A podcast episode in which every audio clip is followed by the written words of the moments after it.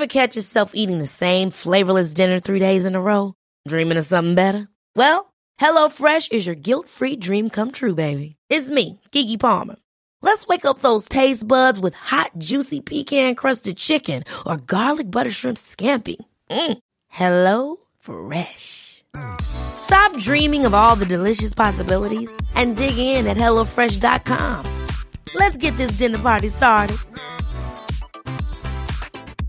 A lot can happen in three years, like a chatbot may be your new best friend. But what won't change? Needing health insurance. United Healthcare Tri Term Medical Plans, underwritten by Golden Rule Insurance Company, offer flexible, budget friendly coverage that lasts nearly three years in some states. Learn more at uh1.com. Many of us have those stubborn pounds that seem impossible to lose, no matter how good we eat or how hard we work out. My solution is PlushCare. PlushCare is a leading telehealth provider with doctors who are there for you day and night to partner with you in your weight loss journey. They can prescribe FDA-approved weight loss medications like Wagovi and Zepbound for those who qualify. Plus, they accept most insurance plans. To get started, visit plushcare.com slash weight loss. That's plushcare.com slash weight loss.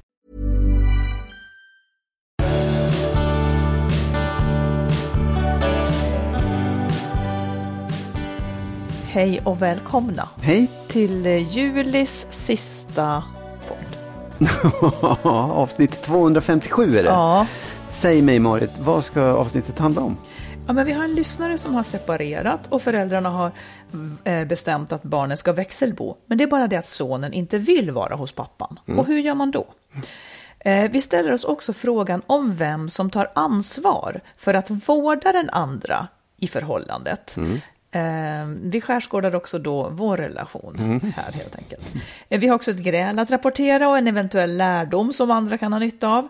Och sen det här med sexlivet. Förra veckans podd eh, så pratade vi om det och det gav ganska mycket respons från lyssnare. Och en lyssnare har löst knuten om hur man kan hålla ihop fast hon inte har lust till sex. Kom på ett bra trick tycker jag. Eh, om att förlåta någon ska vi också prata om. Vill man förlåta någon som har gjort en ont, är det kanske enda sättet att komma vidare själv? Japp. Jag vet inte om du vill minnas det här, men vi hade ett gräl i veckan. Mm, Det vill jag inte minnas. Ett landsvägsgräl Ja. kan man säga. Oh ja. Ja, det är vid en viss kurva, vi grälar inte så ofta, men det är vid en viss kurva som det där har hänt några gånger. Och då stör det mig att du blir så jävla högljudd. Jaha, så att ja, folk, där, ja, ja, så att folk ehm, ja, får höra det här. Det tycker jag. Det kan de ha. Det kan de ha, ja. Det Ja, men de jag, det, på. menar du det att du tycker att det är obehagligt när folk ja, liksom... jag, alltså, vadå, när folk hör oss gräla? Ja. Vad, skulle vara för vad är det för behagligt Men med det? behagligt är det väl inte med så farligt. Det- Folk grälar väl till höger och vänster. och Man, det har man väl då och då att folk är upp, Jo, men jag blir ju hämmad då. Jag kan ju inte Jaha. skrika allt jag vill säga då. jag känner mig Det kan hämmad vara då. En sak däremot Ja, då som då hände, som retade gallfeber på mig, som, som jag bara tänker att man kan ta upp, det, det är det här att den är jävligt konstig. Men om, när man bråkar och sen så skulle jag då bli ledsen eller, eller liksom förtvivlad eller något, eller om du blir det. Alltså, om jag blir ledsen då så har du alltid, då har liksom den andra alltid rätt att säga, ha, nu ska du vara ett offer också. Förstår du vad retsamt? Var går gränsen för när man får vara ett offer? När man är ett offer? Eller när man bara Jo. spelar offer? För det är ungefär det fulaste Ja. du och jag vet. Jag vet. Folk som, men folk som ja. hela tiden gör sig till offer. Men det gör jag ju inte, men ibland kanske jag är ledsen. Ja, men Eller det här, jo, jag vet, men jag tycker också att det här är intressant. Det sätter fingret på någonting Ja. mellan oss, men säkert mellan många och ja, fan nästan alla andra. Mhm. Man grälar om en sak, alltså det, och det kan gå från just själva påpekandet om vad man är upprörd, irriterad, arg över, till att handla om andra saker. hela tiden. Och att, att säga så här, nu gör du det till ett offer. Det är ju det är ju så löjligt Då har man ju egentligen. Det är bytt så jävla ämne. dumt. Ja, men det är också så här, ja, en sen då? Och, och för, för det man gör med det, det är att man verkligen så här, sätter sig överläge. Det är verkligen en, Mm. en sån här, vad heter det, härskarteknik eller ett sätt att så här, trycka till den andra. Man kan säga vad som helst som är fult och förnedrande och dumt. Ja. Och, och det är helt meningslöst. Vad fan har det med saken att göra ens? Nej, det blir ju liksom bara som att, nej jag vet, den är, den är så konstig, men där hamnade vi ju i, i, i det då. Ja. Och jag vet inte, vad, vad ska man svara på det då? Nej, för, för jag vet en gång när jag gick i terapi också, Mm. när jag satt där och, och liksom för det är ungefär som man, ut, man utgår ifrån att ett offer får man ju inte vara.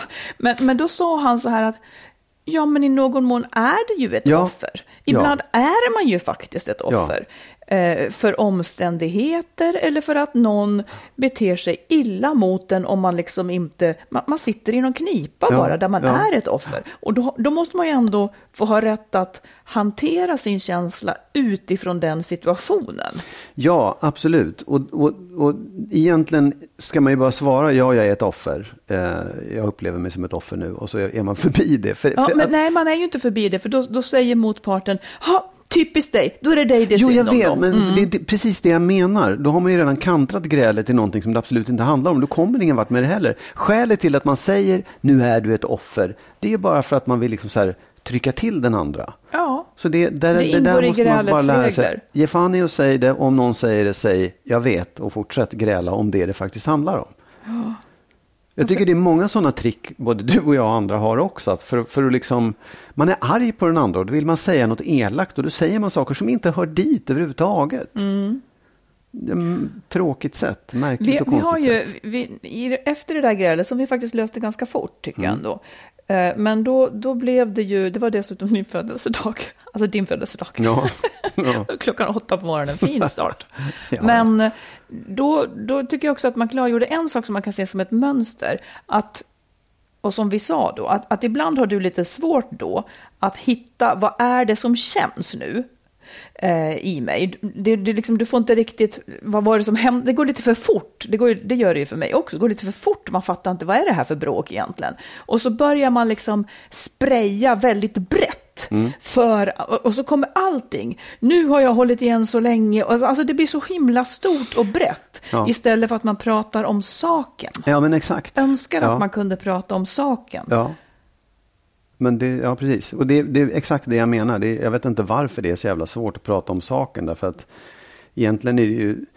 Ja, jag, vet, jag, tror att det är just att, att när man... Ett gräl, om, om så här, "Ja, jag tycker att du gör fel och den andra säger ja men vad bra, då ändrar jag på mig. Då är det ju inte ett gräl. Nej. Men just när, när det sätter fart på känslorna, när det sätter fart på liksom aggression och ilska och sorg och allt möjligt. Då släpper man ämnet på en Mm. Ja. gång. Och, och för då, då har man liksom så här Det är två förlorat dimensioner. slaget på Det, en det är gång. sakfrågan, Ja. den kanske reds ut ganska snabbt. Men sen Ja. var det allt det andra, alla känslor visst, som fanns. Ja. Och då tar man till vilka jävla knep som helst. Att, Tänk vad klok man ska bli om man... Liksom, låt säga att vi kan dra lärdomar efter hundra gräl till. Kanske man lär sig någonting. ja, men samtidigt så är det också det där att Jag man, vill kan- man också är ju gräla inte, ibland Ja, är man är ju inte okänslig. Man, det är ju så här, jag kan känna att jag i det läget just så här, pyste ut saker som kanske handlade om helt andra saker. Det kanske handlar om mig själv och min egen ångest eller ja, att jag är lite så här semesterängslig eller vad som helst och så kommer det ut i något som hade, jag Kommer hade du kunnat ut i strunta i. kurvan där? De som bor där precis, ovanför. Ja, Ja, exakt. som De du får- vet. Jaha, nu är de här igen. de ser oss aldrig för de har en hög häck i alla fall så de vet inte vilka det är. Nej, Kan de gissa? Inte. Alltså, de kan de gissa. Ja, Förra avsnittet pratade vi om eh, att man har obalans i hur mycket sexlust man har. ja, Och det blev ju ganska mycket reaktioner på det. ja, Här har vi en som har löst saken. ja. Let's hear it. Eh, hon skriver så här. Nu måste jag svara på Magnus fråga angående om det är bättre att mannen slutar närma sig kvinnan som inte vill ha sex. För det, det var ju liksom din farhåga. "Ha, Hur ska det gå då? då liksom? Och nu har hon ett ja. Mm. tyck kring detta. Och då säger hon, ja, det är mycket bättre om han slutar närma sig. Mm. Eftersom jag och min man lever precis som Magnus beskriver så bekräftar jag. Sen cirka tre år tillbaka var vår lösning till att jag inte har någon sexlust att min man måste sluta att klänga på mig och göra närmanden. Alltså de gjorde upp om det. Det har lett till att jag har slutat känna mig pressad till sex, vilket har varit bra för vårt äktenskap. Däremot är det ju jag då som alltid är initiativtagaren. Jag äger mitt eget beslut till när vi ska ha sex, även om jag inte har så stor lust och kanske bara vill ha mys och närhet. Men känslan att få ha bestämt att jag vill ha sex med dig nu är mycket annorlunda mot att gå med på sex för att han gör inviter. Det finns nästan inget mer avtändande än en man som signalerar i sängen hur mycket han vill ha sex. Istället försöker vi signalera närhet utanför sovrummet, mer i det vardagliga. Mysa i soffan, ta varandra i hand, ge pussar lite då och då, smeka varandra etc. Vi har ett aktivt liv tillsammans med träning och golf, vi har en båt att åka ut i och ett utespa med badkar som är mysigt att hänga i tillsammans. Gå inte i taket nu Marit, skriver hon. Allt härligt här ovan ökar inte min sexlust, men jag känner att det är okej okay att ibland ge tillbaka lite sex. Det låter kanske konstigt, men jag vill ju prisa honom för att jag älskar honom och för att jag vet att han får fysiskt ont om han inte har sex. Det är oerhört komplext, men nyckeln här är att jag bestämmer när det kan vara läge att få till något och då är han alltid lika redo, positiv och glad att jag visar intresse. Eh, så är maktfördelningen i vårt sexhushåll och det fungerar bra för oss. Men, Va, vad säger du om detta? Jo, nej, men det, var, det var precis dit jag ville komma förra gången, men jag hann inte, för du sa att om man inte ville så var det kört, eller liksom så här, då, då, då ja, jag var, jag var på det humöret. Ja, jag var inte... Nej, för det, jag, mm. nämnde, jag var nästan, skulle vilja ta upp det igen, för jag tyckte att jag, så här, det var inte det var inte situationen när hon inte tyckte om honom längre som jag pratade om, utan det är när man tycker om varandra, men den ena har mer och den andra mindre lust. Mm. Att man har, precis det som hon beskriver, jag förstår det och jag köper det också, att, att det blir liksom eh, det är, det är en, den som inte vill mår bättre om den andra inte är på hela tiden. Ja. Det, det, det, fattar jag och då kanske det liksom kan sätta igång någonting där man inte känner sig pressad. Men sen var det nästa steg där de är nu i då, där, där hon upplever att hon tar initiativet. Och då tänkte jag så här, är, är det också, är det liksom, har man pendeln slagit åt andra hållet då så att det till slut också blir lite tråkigt, kanske för den parten som vill. Att man känner så här, ja men det här är ju bara liksom upprepningar, det här ska jag gå och vänta liksom. Nej, jag tycker då, de verkar ju nöjda med det. Han ja. är ju nöjd när hon då vill. Ja. Och det som ja. är intressant, ja, säg. Ja, nej men jag, jag vill egentligen bara säga tack för det svaret, för det var lite grann så jag undrade över. Ja, och jag tycker att om man håller sig till det här scenariot där de faktiskt älskar varandra, eh, för hon tänker så här nu att jag ska gå i taket just eftersom hon på sätt och vis går med på sex fastän hon inte riktigt vill. Hon skulle mm. kanske helst slippa, men hon gör det för att hon älskar honom. Mm. Och jag är inte den som är den. Jag kan nog tänka, jag har liksom ingen föreställning om att, där är jag nog ovanligt krass. Jag har ingen föreställning om att sex är, är liksom något heligt eller något vackert vackert, utan här blir det lite ja. som en transaktion. Hon vill ha honom ja. och de har ett bra liv ihop. Priset för det är att, att priset för att få det att funka ja. för de båda är att de har sex ibland, vilket hon då har. Hon vill det på ett plan och på ett annat plan, kanske inte. Men nu verkar hon ha fått till det så att hon åtminstone har lite lust. Mm. Fine, tycker jag. Eh, som vi har varit inne på, jag, jag, är fortfarande inte riktigt på det klara än vad skillnaden är med att gå med på att ge någon massage i, på axlarna i en kvart fast man tycker att det är skittråkigt, eller att ha sex fastän man tycker att det är skittråkigt. eh, det är inte så att jag sa nu att jag tyckte att det var skittråkigt. Men, nej, men, nej, men... men alltså jag, jag kan i tanken jämföra det. Det är en annan sak, tycker jag, och det var nog det mycket jag pratade om förra gången. Ni måste lyssna på det om ni inte har hört ja, det. Då. Ja, ja. Men, men det som jag menar är att man på allvar är jäkligt trött på sin partner. man känner ingenting. Absolut. Man känner ingenting. Man, man går och tänker, vi, vi, är inte ens ett bra par, vi kanske borde skiljas. Och sen så vill han dessutom då ligga med en, fastän mm. han aldrig annat visar, visar intresse och så vidare. Då tycker jag att det är en annan sak. Eh, då tär man på sig själv om man då har sex mot sin vilja. Absolut. Man vill bara att det ska upphöra. Ja, liksom. Ja. Men det, jag, jag, tror att man ska skil, skilja på att vilja ha sex och att ha lust att ha sex. För det är skillnad. Om man inte vill ha sex, då tror jag nog inte riktigt att man ska, då ska man kanske backa ifrån det. Du menar om man inte ja, man vill absolut ha sexliv? Vill. Nej, men om du inte vill ha sex med din partner, då, då, då kanske det är skillnad mot att jag har inte riktigt lust. Ja, det, det kanske är gradskillnad. Om ja, att säga jag vill aldrig mer ha sex nej, med en partner. Och, och eller att jag skulle att vilja att jag vill motvilligt, liksom, Att göra det motvilligt. Jag, jag, tolkar inte henne som att det är motvilligt. Nej. Det är bara det att hon har inte den där toklusten. Nej. Och det, där kan man ju också känna så här, hur, Måste vi värdera upp det så mycket så att allting måste vara fantastiskt? Eller kan man nöja sig med att det är liksom, ja men det var trevligt. Ja, så länge han kan man... värdera ner det så att han inte ja, måste ha det hela tiden. Nej, ja, men, nej mm. absolut. för det är en annan sak hur ofta man har det. Det kan man ju resonera om. Men så här, måste det vara... Det som jag tycker de här har gjort väldigt bra, det är att hon har, hon har tog bladet från munnen mm. och sa, nej jag vill inte. Mm, jag vill inte. Oh, ja. Du får sluta ja. med det här för det här går inte. Visst, eh, oh, för så kan det ju faktiskt vara. Man orkar inte ha någon som hela tiden bara pockar så, liksom i sovrummet så fort man lagt sig bara hänger frågetecknen. Ska, liksom man, Ja. man kan aldrig slappna av. Nej, och det, det är Det ju blir viktigt. urjobbigt. Ja. Och då tog hon bladet från munnen och sa det här. Hittade nya regler för det. Jättebra tycker jag. Mm. Vackert. ja, det var, det var ett jättebra svar. Precis Mm. det jag ville ha.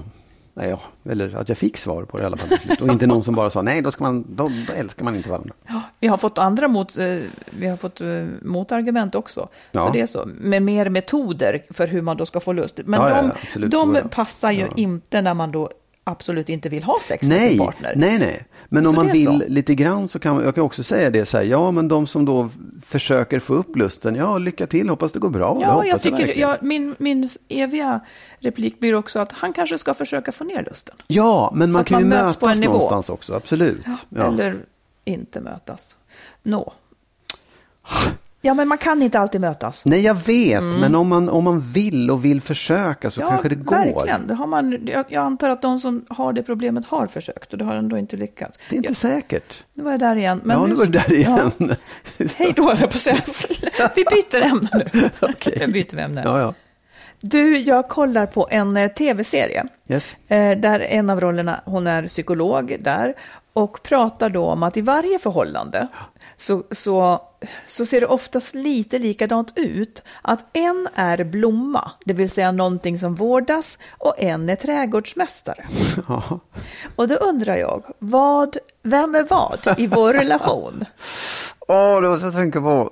Du är ju trädgårdsmästare egentligen, men jag förstår att det inte är det man far efter riktigt. Jag är väl inte Nej, trädgårdsmästare? men du är väldigt intresserad av trädgård. Ja, Nej, jag förstår. Ja, ja. Nej, men jag tror faktiskt att i vårt, i vårt förhållande så är du blomman och jag trädgårdsmästaren som vattnar och sköter om. och på vilket sätt vattnas jag och sköts om? Ehm, ja, men jag tror att det finns, jag har liksom ett ehm, s- så här, större driv att vara servande och eh, liksom se till att det blir bra på något sätt. Att jag, Ja. det, det är oftare som jag gör saker för dig och ser till att du mår bra än tvärtom. Men det, nu, det kanske kändes värre än vad det var. Nej, ja. Nej, men jag tror lyssnar. det. Jag tycker att det, jag vet inte, det är så Och svårt vad skulle att... hända om du slutade? Det skulle bara bli jävligt tråkigt alltihopa.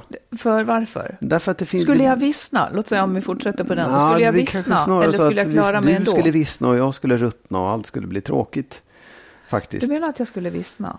Nej men vissna, jag vet, jag vet faktiskt inte om du skulle påverkas av det. Men vår tillvaro skulle bli ganska tråkig tror Mm. jag. Men du, då har jag en fråga. Ja. För jag känner nog inte riktigt att jag eh, begär, så att säga, att ha den rollen.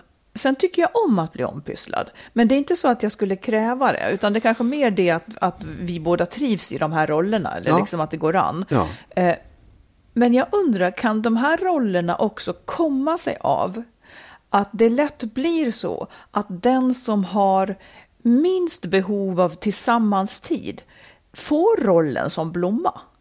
Alltså får rollen av att den andra liksom eh, söker mer närhet eller ger mer tid eller någonting. Tror, just den, det tror jag inte att det är på det sättet. Nähä. Jag tror att det är mer än, jag tror att det ligger liksom bakåt i tiden att man är van att vara blomman. Att du har den rollen från början liksom. Jag har ju Och- verkligen det från min pappas sida. Precis, jag vet. Ja, och det, är det, ja. det är det jag tror också. Det, Ja. det, är inte, det handlar mer om att det, det, det är så du vill ha omkring dig och då hittar du en partner som, som, som synkar med det, som gärna som tycker det är kul Det att pyssla knäppa och är att jag fixa. aldrig liksom begär det. Men Nej, det men det behöver inte så. vara så. Det Ja. behöver inte vara det heller, utan det är väl mer det att man hittar sin roll där man trivs. Ja. Får jag fråga dig så här då? Låt säga att du då är trädgårdsmästare, men jag antar att det kan vara så att vi också växlar om behov uppstår. Nej. Nej. Okej. Okej. Nästa fråga. Ja, men sä- säg Jo, jo, nej, jo, men det är klart. Jag tror att det, det är inte...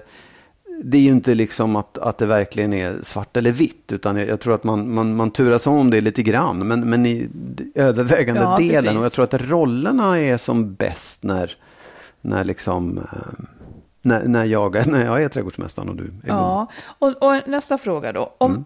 Låt säga så här, och det behöver inte handla om just oss då, men om man, om man är en person som ofta drar i saker eller liksom har mycket som man vårdar omkring sig, om man då känner att man inte orkar mer. Ibland har ju en del människor, det finns ingen som tar hand om mig. Mm. Finns, om jag inte orkar så faller allt. Mm. Kan du känna så? Eller har du tillit till att någon hjälper dig och tar hand om dig om du skulle bli sjuk eller om du inte skulle orka mer av någon anledning? Ja, det har jag på ett sätt. Ja. Jag, jag, jag, känner mig inte panikslagen eller att åh, vad skulle hända om jag ruttnade. Jag är inte orolig för det. Mm. Men, men det kan ju kännas ibland som att att det vore skönt om det inte var jag som, som drog och gjorde och fixade och donade. Liksom. Mm. Eh, men sen är det också, tror jag också att det finns i, mitt i alltihopa en slags, ja ja, men varför inte? Det har ju alltid varit jag, så det väl jag nu också då på något sätt. Och varför då? då? Varför fortsätter du? Nej, men det är också för att det är, alltså så här, allting man gör är mm. förenat med ett motstånd. Allting, även roliga saker är förenade med motstånd. Mm. Det här är roligt. Det är roligt att vara, att fixa och dona och hålla på med saker och ting. Sen innehåller det eh, återgång av tid, kraft, tankar, allt möjligt sånt där. Men, men det är ju liksom en del av själva eh, uppgiften. Mm. Så att jag, jag, och det är klart att man... Men, men ligger det någonting i det här då? Låt säga att du skulle sluta, eh, om vi kallar det för curla, eller sluta ja, fixa ja. och så vidare. Tänker du då att du inte skulle ha ett berättigande och därför kanske bli lämnad? Nej, det har jag aldrig tänkt. Nej, men om du tänker det nu då? Om du Nej, tänker absolut tanken. inte. Nej, Nej, utan jag tänker mer, fan vad tråkigt det skulle bli. Mm -hmm. Och det vill ju inte jag. Det finns ju, det finns ju en, det är ju inte så att man är självuppoffr, eller vad heter det, självutplånande, utan man gör ju det för sin egen skull också. Det är en slags egoism bakom att säga, jag vill ha kul, jag vill att det ska vara roligt. Ja, men du tänker inte att jag då skulle kunna göra en eh, middag? Nej, det kan du ju inte. Nej, men det, nej, vad skojar, förlåt. Nej, förlåt inte. nej, men... Kan jag inte laga mat? Jo, det kan du verkligen. Det kan du verkligen. Men, men det är också så här, och det kan du väl göra, det är ju inte det som är grejen. Fast det händer ju aldrig eftersom nej, men det är, också, är så fasta nu. Ja, fast det är för att jag också tycker att det är roligt. Jag vill ju det, jag tycker mm. att det är mm. kul. Ja. Och sen, sen, kan man säga också så här, visst, det finns ju ett mått av vana i det. Som kanske inte är, som man kanske ska tänka igenom lite grann. Att, att är, är det nu bara en vana, att, det blir, att man ja. tar det för givet på något sätt? Det, blir ju, det, det finns ju en risk med det, såklart. Ja, nej men jag tycker det är intressant att tänka på i förhållanden. Vem, vem av er där hemma är det som är, har rollen som blomma och vem är det som är trädgårdsmästare? Och i mm. bästa fall så kan man ju, vi har kanske då en obalans. Nu funkar ju det ändå då, uppenbarligen, år ut och år in. Eh, men, och det, då har man kanske också hittat något. Sen skulle väl jag vilja påstå att jag drar i vissa saker jo, som då kanske är lite mer osynliga ja, ja, ja. och så vidare. Oh, Men eh, jag tycker att jag håller mycket mer i logistik och, och tar ansvar för att när gör vi det här då, sådana där saker.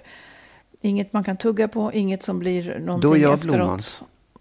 Då står jag där som en liten växt, en liten späd skör växt. Nej, det är mest i form av Ja, ja, det, blir, det är inte så kul grejer jag kommer med tycker jag. ja, vi kan gå vidare från det här till något annat. Ja. Here's a cool fact. A crocodile can't stick out its tongue. Another cool fact, you can get short-term health insurance for a month or just under a year in some states. United Healthcare short term insurance plans are designed for people who are between jobs, coming off their parents' plan, or turning a side hustle into a full time gig. Underwritten by Golden Rule Insurance Company, they offer flexible, budget friendly coverage with access to a nationwide network of doctors and hospitals. Get more cool facts about United Healthcare short term plans at uh1.com. Ryan Reynolds here from Mint Mobile. With the price of just about everything going up during inflation, we thought we'd bring our prices down. So to help us, we brought in a reverse auctioneer, which is apparently a thing. Mint Mobile unlimited premium wireless. Ready to get 30, 30, bit to get 30, bit to get 20, 20, 20, bit to get 20, 20, bit to get 15, 15, 15, 15 just 15 bucks a month. So, Give it a try at mintmobile.com/switch. slash $45 up front for 3 months plus taxes and fees. Promo for new customers for limited time. Unlimited more than 40 gigabytes per month slows. Full terms at mintmobile.com. Quality sleep is essential. That's why the Sleep Number Smart Bed is designed for your ever-evolving sleep needs. Need a bed that's firmer or softer on either side? Helps you sleep at a comfortable temperature? Sleep Number Smart Beds let you individualize your comfort so you sleep better together. JD Power ranks Sleep Number number 1 in customer satisfaction with mattresses purchased in-store. And now, save 50% on the Sleep Number limited edition Smart Bed for a limited time. For JD Power 2023 award information, visit jdpower.com/awards. Only at a Sleep Number store or sleepnumber.com. Vi som gör Skilsmässopodden heter Magnus Abrahamsson och Marit Danielsson. Vill du läsa våra böcker, till exempel Lyckligt skild om våra egna skilsmässor, så hittar du den i bokhandeln och på nätet. Dessutom finns Kärleksfallet, Familjesplitter och Skilsmässobyrån. Och allt handlar om relationer. Du, en sak som jag har förstått, eller som är ett mönster i många relationer, Ja. det är att kvinnorna bryr sig mer om barnen än sina partners. Och det här tycker ju männen är jobbigt. Ja. Männen tenderar att bry sig liksom så att säga lite, åtminstone lika mycket om sin partner som om barnen. Medan kvinnorna har slagsida. Okej. Att mannen liksom tappar lite i värde när barnen kommer. Ja. Känner du igen det? Ja, ja alltså så här. Jag, jag tycker ju att det, att det är när man får barn, när, när det kommer barn och man är ett, ett liksom, ja, det spelar ju egentligen ingen roll vilken typ av förhållande man har. För den som föder barnet är oftast den som ammar. Ja. Och då blir det... Väldigt vanligt att det är så. Ja, exakt. Ja. Nej, men jag tänker om det, är- om det är en, um, två kvinnor som får barn. Ja, jättesvårt att amma ju Ja. om man inte har fött Ja, barnet. exakt. Men, men det, då hamnar man ju automatiskt utanför liksom, Ja. gemenskapen. Ja. Och att man då upplever det som en konkurrenssituation där man kanske känner att, här, på ett fult sätt som man aldrig kan erkänna, känner ändå att de här barnen snor partnern ifrån Har du känt det? Ja, alltså så här, jag kände mig utanför och jag kände att jag saknade eh, min fru då. Att jag, Mm. jag tyckte liksom, det är inte så att jag kände, jag, jag, kan, jag kunde liksom inte uppleva någon så här jävla unga stickar ifrån, inte Nej. så, men att man, det blev en, jag kom ju liksom inte nära barnen, jag fick ju inte det plusset, så jag Nej. tappade liksom alltihopa på en gång. Just det, det blev som en Det total förlust. Ja. Ja. Alltså en, en människa, en, en, en vän jag har som, som är väldigt, väldigt klok. Ja. Eh, hon sa vid något tillfälle, för vi pratade om, om att ja, men det värsta som kan hända är liksom om det skulle hända barnen något, liksom, Mm. att det skulle man inte klara. Hon tyckte att det skulle vara värre om mannen dog än om Ja. barnen dog. Det förvånade mig mycket, för så skulle jag aldrig eh, kunna tänka. Och jag säger inte att det är fel av en att göra det. Och jag läste också att liksom råd eh, till par som har fått barn, det är att barnen ska varken vara mer eller mindre viktiga än våra partners. Alltså att det som skapade familjen och barnen ska fortsätta att vara så viktigt. Men det där trillar helt bort för mig. Jag blir helt, eh, helt fokuserad på barnen kan jag säga. Ja, ja. Så gick det som det gick också. Men jag Ja. tror att det var, det väl liksom en växelverkan. Men Men det kanske är, det kanske är en, ehm, en ehm, säga, vi kanske har liksom, för vi har ju lagt väldigt, väldigt mycket fokus vid barn och barnafödande och liksom hela den där, oh det är så viktigt att med närhet och mamman och, Mm. och liksom allt det där. Att vi kanske har lagt för stort fokus vid det och därigenom tappat bort eh, relationen. Liksom. Här, jag tror att det där fokuset kommer av sig själv, rent biologiskt. Men däremot så bör man kanske anstränga sig för att hitta tid med sin partner. Även Mm. Ja. om det inte är det man vill. Man vill ju hellre bara sova om det blir liksom Ja. ledigt. Men jag tror att det där, ja, jag tror nog att man kanske ska jobba för det. Ja, jag tror det också. Det Ja. finns åtminstone en tanke kring det som man inte ska bara Ja, strunta det, i. det är värt att fundera på, liksom, att, att man nedgraderar nästan partnern. För det Ja. kommer ju en rangordning. Ja.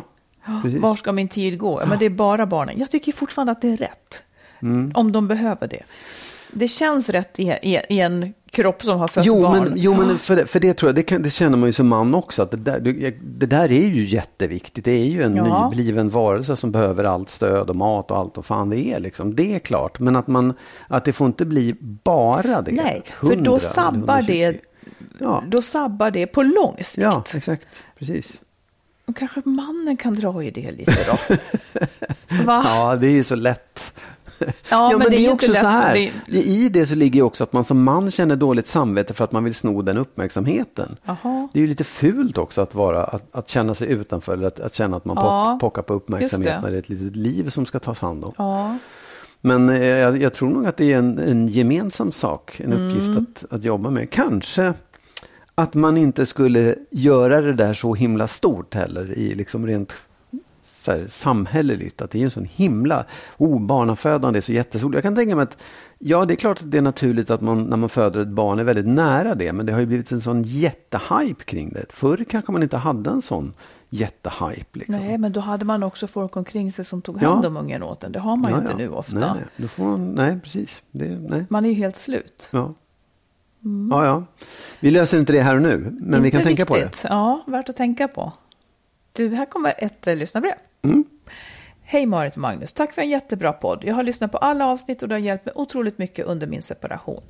Jag och min exman skilde oss för cirka två år sedan. Vi har två tonårsbarn tillsammans, en son och en dotter. Jag bor kvar i vårt gemensamma hem där barnen är uppvuxna. Exmaken har flyttat till en stad ett par mil längre bort. Vid skilsmässan bestämde vi att vi skulle ha barnen varannan vecka, men att sonen, som då var 15 år, skulle få vara med och tycka till kring det här med växelboendet. Eh, Han har en NPF-diagnos med allt vad det innebär. Nu har det som sagt gått två år och nu bor dottern varannan vecka med mig och varannan med pappan, medan sonen i princip bor heltid hos mig. Jag funderar mycket över sonen som träffar och träffar och umgås med sin pappa väldigt lite. Han känner sig trygga, tryggast i sitt barndomshem, har svårt för förändringar och vill ogärna flytta runt. Vi får lirka och lägga mycket kraft på övertalning för att det någon gång ska ske att han träffar pappan. Jag är orolig för att han kommer att få en dålig relation till honom eftersom de träffas så lite.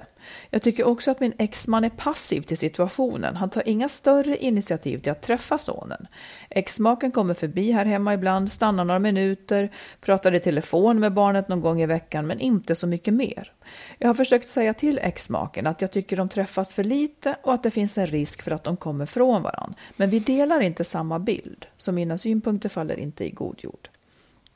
Tonåringen börjar bli vuxen och jag tycker att han ska få vara med och bestämma var han vill bo. Jag tänker också att det är upp till pappan att hitta ett sätt att umgås med honom på barnets villkor. Men om inget händer, om inte pappan tar initiativ, vad kan jag då göra? Vill gärna höra era synpunkter och funderingar kring det här. Ja, alltså jag tycker utan att vara psykolog eller utan att vara expert på detta på något sätt. Att jag, jag, jag kan känna det är ändå en, en kille som är, ja, han är uppenbarligen över 15. Sen, sen är det svårt att säga med en, med en diagnos vad, vad som ligger i den. Men jag kan känna så här, han, den pojken vill ju inte det. Han är inte beredd att liksom för hans del så låter det som att han vill hellre vara hos mamman, bo där och ha allt det där. Och allt påtvingat när man är i den åldern, när man håller på att bli stor och växa upp, det blir ju bara jobbigt. Det blir ju snarare en större belastning än att, än att få det som man vill. Och jag tror också att, ja det kanske är så att de får sämre kontakt under den här perioden. Men det finns ju alla möjligheter att reparera det senare om det skulle vara så. Eller så är det så att, nej, de kanske kommer att ha lite risig kontakt under resten av livet. Men så är det väl i många fall. Liksom. Jag, jag skulle inte göra så jättestor sak av det i det här läget faktiskt. Och, men, och hur är jag. det då? Pappan vill ju så att säga, verkar ju ändå... Ja, vad ska man säga? Det finns en överenskommelse om varannan vecka. Ja, men han bor ju hos, hos eh, Ja, han mamman vill ju hela mest, tiden. Ja. I praktiken vill pojken ju mest Ja. bo hos mamman. Jag tänker så här också. Jag håller med. Jag tycker nog också att barnet ska få bestämma. Men jag kan tänka mig att det blir lite som att mamman då blir en bov i förhållande till pappan så att säga. Men jag tycker nog också att dels tycker jag att det är synd om kontakten förloras. För unga människor, de, de tänker ju sällan eh, vad blir konsekvensen om fem år att jag tappar kontakt? Utan de, de är ju här och nu, vilket Ja. de ska få vara. Ja. Men där tänker jag att är det någonting mamman kan göra så är det kanske att stötta pappan. Han måste ju steppa upp lite här så att det finns någon vinst med att vara hos honom. Eh, det verkar ju jättejobbigt att liksom bara åka bort några mil bort och, och liksom tillvaron blir krångligare. Så jag tror att om jag tror att, jag håller med dig, pojken ska få bo där han vill. Det tycker jag också. Men, och pappan måste kanske förstå att han behöver ta en mer positiv plats i pojkens liv, på pojkens villkor. Och då att mamma, om hon vill göra någonting, uppmuntrar till det. Ja. Absolut, det, det, i den bästa av världar så är det rätt väg att gå. Jag kommer ihåg hur det var för mig när jag var 15-16 och mina föräldrar hade skilt sig eller var på väg att skiljas. Jo, de, de, hade, jo, de hade delat på sig, flyttat isär och sagt att vi ska, vi ska skiljas. De gångerna pappa kom hem där man tyckte så här, nu ska du umgås med pappa. Jag tyckte det var vedervärdigt. Ja. Jag ville vara ute med mina polare för jag var i den åldern. Precis. Jag struntade fullkomligt i om det var mamma eller pappa som bodde där. Jag ville vara själv. Ja. Och det tycker jag man måste bära med sig. Och, och att det finns en period med alla barn som växer upp där man som förälder liksom faktiskt kan ta ett steg tillbaka och säga jag finns här, du får höra av dig när du vill, Eh, men jag kommer inte att liksom så här, tvinga mig på dig, för det, det, det är inte heller bra att helt släppa kontakterna, det är ju tråkigt för alla naturligtvis. Men det kan ju vara, se det som en period när, när just den här killen vill vara lite för sig själv också. Mm. Och, in, och, och framförallt då kanske om man just har en diagnos och inte vill ha stora förändringar. Så jag vet inte, jag tycker det är liksom... Nej, det är väl där det ja. också, det är väl det ibland, det här är ju jättesvårt. För tänk om det hade varit tvärtom. Att, att uh, vår brevskrivare vore den som, där, där liksom Alltså det, det är ju en plåg, det är ju smärtsamt när barnet inte vill vara med en. Det är ju jätteplågsamt. Ja, absolut. Eh, ja. Men det är där då kanske som den vackraste föräldragåvan kan ja, vara. Ja. Att stå ut med det. Liksom. Exakt. Mm. För förr eller senare hoppas jag vid Gud att alla barn gör den, liksom tar det avståndet.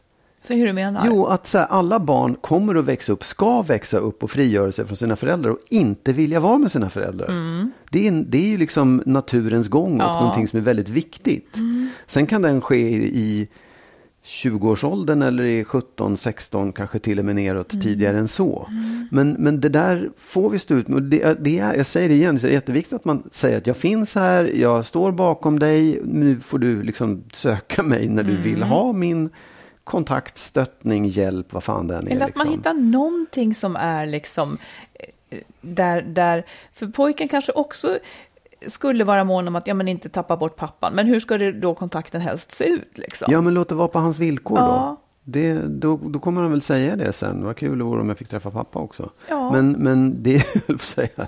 Nej, men det är så här, ta, ta det lugnt och låt låt det ja, där växa fram. Man kanske ska se det som en fas. Ja, ja, det är det. Att det är det hela tiden. Ja, liksom. absolut. Ja, och så kommer någonting att ändras. Ja. ja. Det där kan ju jag känna igen. Ja. Eh, liksom hur, hur, populariteten eller hur behovet av att vara med mig eller respektive min exman har förändrats. Och att de nu har mycket mer gemensamt med honom än de hade för x antal år sedan. Ja. Men det har gått i perioder. Liksom. Ja, och jag tror att man ska se, valet är inte mellan två föräldrar, utan valet är att slippa bägge föräldrarna egentligen. Men man måste ju bo hos någon fan av dem. Oj, positiv syn här. jag tycker det, det är så man kan se det. Liksom. Ja. Bekväm tillvaro, bra hem, jag kan sängen, jag vet var jag bor, här mm. står mjölken, jag vill ha det här ni kan gå och göra något annat under tiden. Ja, skaffa ett liv menar du? Ja, skaffa ett liv. Mm. Och jag, jag, så här, jag, jag, jag kanske är krass, men jag kan gå till mig själv, min egen uppväxt och jag kan gå till hur man ser andra tonåringar är. Sen är det klart att ja, man, man kan inte generalisera på det sättet. Det här rörde sig om en pojke med en diagnos. Mm. Men ändå, jag, jag skulle tänka lite på det här sättet och, och ja prata med pappan och låt pappan tänka på det sättet också. Mm. Säger jag. Tack snälla för brevet. Ja. Du har några sista ord då? Ja, flera stycken. Oj. Det får bli som en, en kavalkad av sista ord. Bara en grej som slog mig då. För någon gång har du sagt så här att du tycker att, att förlåtelse, eh, man, man måste inte förlåta allting. Nej. Och det, det är ju klokt. Eh, men jag läste idag i Svensk Svenska Dagbladet eh, en intervju med Elsie Lindqvist eh, som är Ja, hon är 85 år gammal, hon har varit prostituerad och narkoman Oj. och går nu runt liksom, och har gjort det ganska länge, sedan typ 90-talet, gått runt och liksom hjälpt eh, prostituerade och narkomaner som går på gatorna i Stockholm. Mm. Och tagit hand om dem och liksom så här, försökt Just få det. dem bort från gatan och sånt där. När hon berättade om sitt liv så hon blev våldtagen när hon var ett litet barn och utsatt för övergrepp. Hon började prostituera sig jättetidigt och började liksom ta droger och, och, och så här, levde ett riktigt uselt liv. Hon hoppade av själva den här liksom prostitutions... Eh, prostitutionen när hon blev nästan mördad av en man. Oh, eh, ja. och, men sen fortsatte hon att då vara missbrukare och ta droger tills hon Ja, nu, nu blev det så att hon träffade en, en man som liksom frälste henne och tog in henne i kyrkan. Men det hon sa var att hon, hon, någonting hände i ett visst läge och hon förstod att här, här finns det något annat. I, för mig. I och med kyrkan? Ja, i och med kyrkan. Ja. Och hon, det var liksom hennes väg ut ur det här, för hon var inne och ut på behandlingshem. Och då så höll hon på, hon var skitförbannad på allt och slogs och sparkade och så här bara hatade män och kvinnor i hela världen. Och det som hon sa då var så här, vägen ut för mig, som någon sa till mig, så här, det är att okej, nu har du fattat att du måste ta dig ur det. Nu måste du förlåta allt som har hänt dig. Vilket var som att dra ner rullgardinen nästan. Det upplevde hon så. Hur fan skulle det gå till? Men hon jobbade med det och lyckades liksom förlåta alla som hade begått övergrepp och våldtagit och slagit och allting. Liksom. Och det var hennes väg att komma till det hon är idag. Och för mig blev det så här, ja det där är ju jävligt mycket begärt. Men jag förstår tanken och jag förstår den smärtan som hon måste ha upplevt när någon sa du ska förlåta alla som har begått övergrepp mot dig. Du, och, och, när du, för jag tror också att jag förstår, men när, om du skulle sätta ord på varför måste man förlåta det? Ja, men annars så kommer du alltid liksom bära på ett hat, en, en ilska och, och någonting som faktiskt egentligen bara slår mot dig själv. För du kan aldrig, du kan aldrig få upprättelse i det. Det, det, är liksom, det är redan begånget, brotten är begångna. Och så länge du fortsätter att hata så kommer du bara förlora på dig själv. I, faktiskt, Det blir lite tyvärr. grann som att om man lyckas se, för det finns ju terapier som jag har sett eh, människor in, Mm. i min närhet som har liksom haft väldigt, väldigt tuff barndom, Mm. som har fått i uppgift att hundra gånger skriva jag förlåter dig mamma, Mm. jag förlåter dig mamma. Eh, som antagligen då är mer än att man bara skriver, man tänker på, Mm. man får väl i uppgift att tänka på det samtidigt, liksom på ett visst sätt. Men det blir ju lite så att när man när inte den här tråden av hat eller ilska eller kränkthet finns, om den kapas så blir man också fri från sina negativa känslor kring det. Eh, Så att på så vis kan jag också förstå det. Exakt. Det nollar tråden Ja. om man försonas med det och till och med säger jag förlåter dig som gjorde det och, Ja. och kanske i sitt sinne tänker att man vet att det var inte rätt, inte Nej. ett dugg rätt, Nej. men du förmådde inte bättre där och då. Eller det, det är lite grann som att säga också du är likgiltig för mig och det är skönt. Ja, absolut. Så kan man tänka. Och det tror jag också är en väldigt, det är en hjälp att ta, att ta sig igenom det som måste göra svinont. Ja. Att förlåta just. Men, men det, är, det, det är enda vägen fram. Liksom. Ja, Ehm, tror jag. Jag, jag vill bara säga att, att när jag menar att man inte, när jag säger att vissa saker förlåter jag inte människor i min närhet. Det är inte många saker, men vissa saker som har gått alldeles för långt. Eh, då menar jag bara att det kan man också leva med. Ja, ja. Genom att, att för att förlåta vore för mig som att säga det var okej att göra sådär mot mig. Eh, så att det vill jag inte göra, för det skulle inte vara ärligt och sant. Men däremot så kan jag liksom förpacka det på något vis i mitt huvud och lägga det långt, långt bak. Men jag, vänd, jag håller nog ändå det fortsatt emot den här människan. Liksom. Så att, och, och det behöver inte bli stort. Men Nej. jag tycker också att ja, jag vet inte hur, hur det här går ihop, men det kanske inte ens är värt att hålla på. Nej, jag vill inte förlåta. Jag tror att det är olika förhållningssätt och Mm. säkert olika kraft i det som har hänt och, och, och liksom hur det ser ut. Jag, jag säger Ja. inte att det är fel, men jag tror att hon har valt en annan väg än den. Ja, och kanske också med liksom- människor som hon, fort, Ja. som hon inte kommer att ha kontakt med. Liksom. Ja. Det här är människor som jag kanske då, eller ja, Ja. och då blir det lite annorlunda. Men jag tycker att, ja, jag förstår. Förlåt. Och jag har faktiskt sett kraften i, i den här typen av terapi. När man förlåter. Mm. Att det blir på riktigt en förändring. Ja, det blir det. Och det, det är också vinsten, eller den förlusten du gör att, att du just förlåter någon. För det innebär att, som Mm. Man du säger, så här, ja, Ja. Där, då vann den. Ja. Den vinsten får du tillbaka tusenfalt själv. För du slipper gå och bära på det där hatet. Precis. Det, det finns en slags ekonomisk bra transaktion. Man tar, man tar ett steg Ja, själv. Man, ja. man blir fri att ta Ja. nya steg. Man är inte fast i det. Precis. Mm. Ja, Intressant. Du, ska vi då ta fredag på detta? det tycker jag verkligen. Ja. Det gör vi. Och tack snälla för alla era brev. Fortsätt att skriv och vi fortsätter att podda. Så det då hörs vi igen om en vecka. göra. Det gör vi. Ja. Ha det bra. Hej då. Hej då.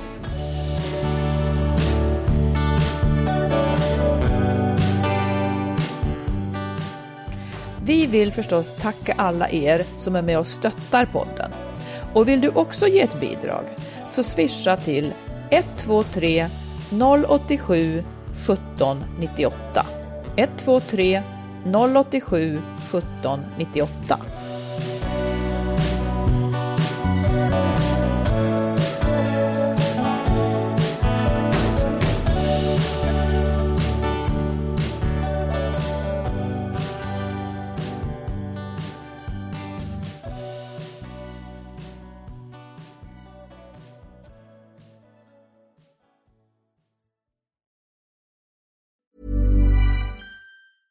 Mom deserves the best, and there's no better place to shop for Mother's Day than Whole Foods Market. They're your destination for unbeatable savings, from premium gifts to show-stopping flowers and irresistible desserts. Start by saving 33% with Prime on all body care and candles. Then get a 15-stem bunch of tulips for just $9.99 each with Prime. Round out Mom's menu with festive rosé, irresistible berry chantilly cake, and more special treats. Come celebrate Mother's Day at Whole Foods Market. Ever catch yourself eating the same flavorless dinner three days in a row? Dreaming of something better? Well, HelloFresh is your guilt-free dream come true, baby. It's me, Kiki Palmer. Let's wake up those taste buds with hot, juicy pecan-crusted chicken or garlic butter shrimp scampi. Mm. Hello Fresh. Stop dreaming of all the delicious possibilities and dig in at HelloFresh.com. Let's get this dinner party started. Hi, I'm Daniel, founder of Pretty Litter. Did you know cats tend to hide symptoms of sickness and pain? I learned this the hard way after losing my cat, Gingy. So I created Pretty Litter, a health monitoring litter that helps detect early signs of illness by changing colors, saving you money and potentially your cat's life. Pretty Litter is veterinarian developed, and it's the easiest way to keep tabs on your fur baby's health right at home. Go to prettylitter.com and use code ACAST for 20% off your first order and a free cat toy. Terms and conditions apply. See site for details.